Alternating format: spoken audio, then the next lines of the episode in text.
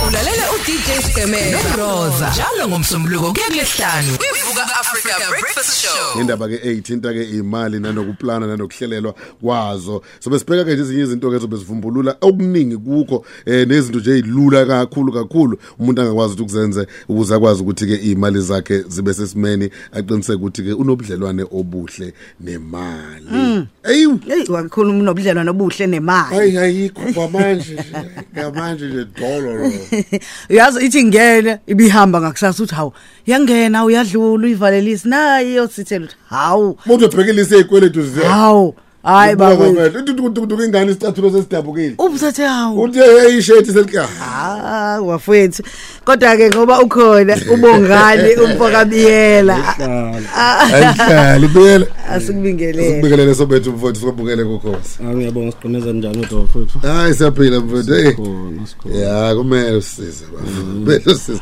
Hayi umhlaba wonke uxakekile la emalini kakhulukazi leli zwe lakithi nje. Ayi. Sikha- Sikhala sibaningi. Bi- em, Biyela phela siqale nge- nge- nge- ngawe ubani ubongani biyela sekuthule that umuntu oyi-financial advisor eh nanesipiliyoni sakho nje mawukhuluma ngazo umthinto um- into ayithinto zezimali.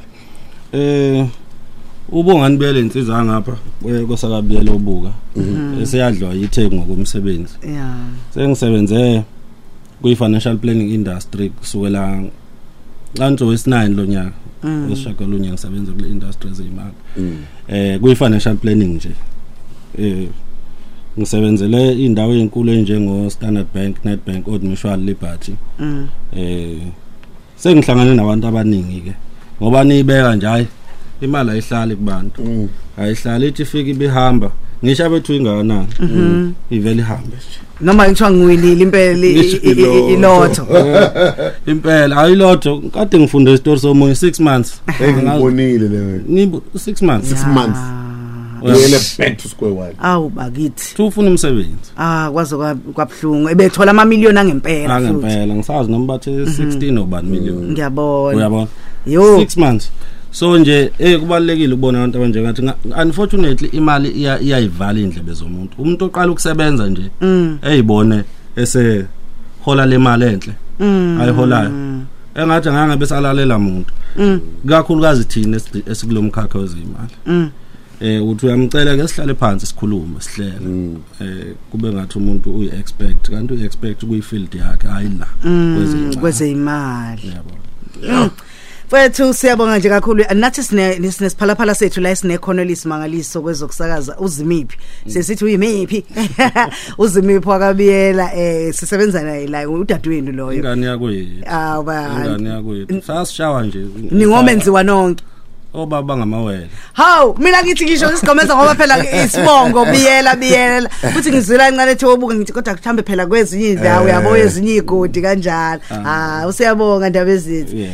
Hey kodwa ke nayi inkinga la sinamali nje yabo sisakaza lapha nje asinalutho. angilethe yona Uma ngathiwa fana umuntu ongenamali eh ngingafa kuqala mhlawumbe isigomeza sengalandela ke. Kodwa nje mina oqala phambili. Kodwa futhi hawu lo muntu ngoba awusiyamazi uyasebenza nasekhaya bathembile abantu uyabo. Kodwa imali awunayo. yini ile financial planning ibaluleke ngani eh ukuthi eh Mroza yenze lento yenze eh ngoba ngiye nga highlight ngaveza oqala umuntu uexpect kuyinto a- aziphilisa ngayo eh ifinancial planning kahle kahle uhlelo olunzulu ngokwezimali uyabo lapho usukubheka khona i- i-financial picture yomuntu njengoba injalo eh nezidinga nazo namagebe asuke nawo empilweni ngoba sikuma stages angafani empilweni eh kunabantu eh, esebephambili esebe esebebuildile uyabo asebenemizi asebenani khona sesiqaleni usaqala ukusebenza so suke sibheka lapho amagebe asuke nawo ezintweni asuke e- e- e- enazo ngaleso sikhathi mase senza ama reco- ama recommendations uze sithole izixazululo noma ama solutions asuke eqondene ngqono esidingo sakhe ngokwezezimali eh ngayibeka nje kanjalo in short mina ngi- uyazi njengoba ukhuluma mina ngangicanje into eyigwili le eh izona kufanele phela ibonje leli le mali ngiyishonisa le lena ngiyishonisa le le- mina uma nginemali yami ake ngidake siqale ku 350 Mm. uma ngino 350 wami hayi ngihl- ngingenaphi endabeni yok- yokuhlela kwemali financial lapho planning. eh ukuthi sengaze Right. njani njani hayi into yabantu abathizini le kukanjalo ngempela A- ake ngiqale ngicacise la umuntu othola imali kumele a- abudget noma ngabe imali noma ngabe imali uyabo A- angikholwa ukuthi kukubudget ukuthi athi umuntu eh le mali ayingene eh siyophuza Uyabo? umuntu kumele abudget so i-financial planning si- yinto nje esiyidinga sonke umuntu ocebileyo umuntu o- o- o- ongaphansi laba abahola bona o350 kanjalo eh i- sidinga so ngiphutho liyalenziwa abantu bakithi leli lokuthi umuntu abone ukuthi hayi mina ngisemncane kakhulu angicebile ngokwanele noma sengicebe kakhulu uyabo wonke umuntu nami ngiyayidinga i-financial plan ngikhuluma nje nami nginayo insizwa engeke ngithi mase ngifuna ukuhlela ezami zey'mali ngiyithinte iyangazi ngiyihlupha kakhulu ngichoshisa menziwa hamba kanje hamba kanje usakhuluma ngayo futhi leyo eh, sike sa- uke wathi kuyithinta kancane eh, singakangena emoyeni sino sipho eh sibuka indaba ye-wealth creation ukhuluma ngaleyo nto yini i-wealth creation eh mroza ma ukhuluma ngewealth creation lapho sukusa usakha kusengasekuqaleni eh usakha mhlambe eh ngithi wakhe ibusiness elizokulethela imali additional income stream ngolimi labelungu eh noma wakha nje eh ngisho umuzi wakho uyabusa ukusa usa create wealth lapho ngoba umuzi wakho ucounta ngokuthi i- i- i-value yakho ithini uyabo eh kodwa uma ngabe lapho ukuleso stage se world creation kubaleke ukuthi uthi wakha ububheka ukuthi lezi zinto zakha uzivikela kanjani uyabo eh ukuziprotecta ngolimi lwabelungu ukuthi uzivikela kanjani awukwazi ukuthi njengoba uma ungasuka manje uyothenga imoto nje awukwazi ukuthi wakhe uthenge imoto eh kodwa ungayuthatha umshwalense okuyivikela ukuthi ngalemali nayibona into engivezayo U- kuyashiwo nasegaraji ayi- ayiphumi la ungenamshwalense so eh kumele uyivikele futhi ayikho umuntu bancane umuntu ngathi e- ehlakaniphile ethenge into yakhe ebalekile akhe into yakhe ebalekile angayivikeli iword creation ilapho nje ekwakheni usuku sakha lapho Mm. mm Mm.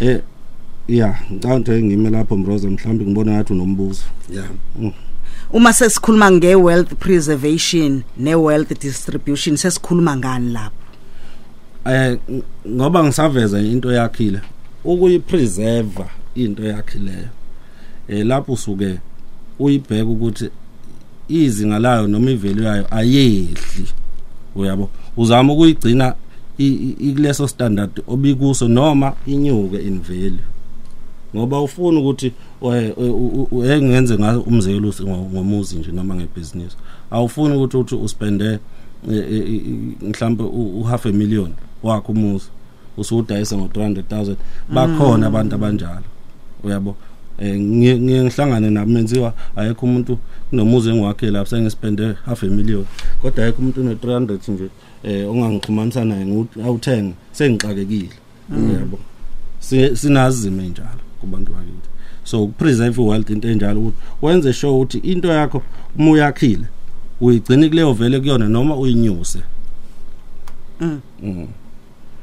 heyi sipho hayi kunzima kunzima 822 mlalokhozi FM nawe njengalokho kusishilo sathi ingosi ethu siqalayo namhlanje lesivuka uqonde kabanzi ngezezimali I'm sure khona izinto onazo nemibuzo onayo ngiyafisa ukuthi lokhu uyibeka uyibhala senkundleni zokuxhumana ngoba ke lelo hlelo leli asilwenzi namhlanje kuphela lokhu siqhuba futhi nakwamanye amasonto sesikhulume ngakho konke lokhu I- i- yini into esingathi izona inzuzo ezikhona esiyitholayo ezitholwa umuntu uma ekwazile ukuthola abantu abafana nani enisebenza ngezimali ngikwazi ukuplana ngeplane le im- indaba yezimali ngiyiplana nabantu abaprofessional mangasebenzisa lelo gama em hey angazi lento ngayibeka kanjani wa- wa- wasiqalaza Mhm. eh ngiye ngakuveza nje ngoba silokhu sikhuluma la ukuthi eh ngoba siyama professionals kule field yethu eh yithi esivumeleke nesigunyaziwe ukuthi sikhiphe iadvice yeah uyabo eh njengoba mangiyakudokotela nje uzonginika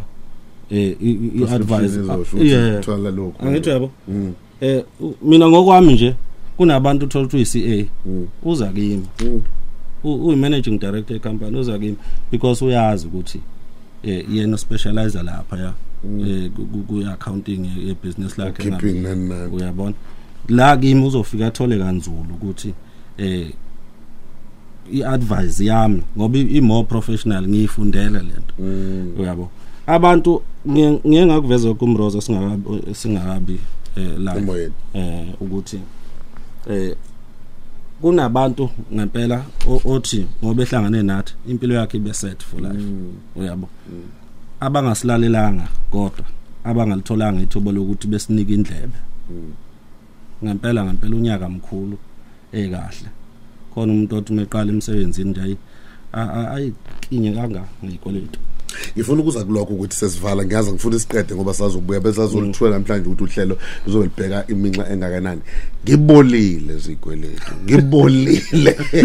hey angikwazi sanokuphuma ngabe emphakathini and lapho nazi iy'ngane hey umuntu uyacabanga isekhona into engenzeka kulowo muntu lo uselahle ithemba kangaka ukuthi uma engaqala lalele asondele emadodeni anjengani namadodeni ne- ney'ntokazi ezenza umsebenzi ofanayo kusengashintsha leli gama abesebizwa ngalo manje ngenxa yokuthi vele wherever la hamba khona into ey'mali ngazi ukuthi ayimfuni ngathi washunqiselwa ngento nje ukuthiwa wena nemali anihlangani kanjani sebenza cha kodwa kuyenzeka kuyenzeka eh, bawusiqimeza mfowethu eh iyabaleka kubantu imali kodwa kusuke kuhambisana nokungahleli ungahleli eh hhayi ukuthi uthakathiwe ukuthakatha bafowethu yinto nje es- ekhona masizwa kodwa wo awukuthakathwa kodwa sibone ukuhlela kwakho usebenza phe ngokuthakathwa hayi uyabona nje mina ngeke angivumi umuntu athi eh ingoba ngithakathwa ngempela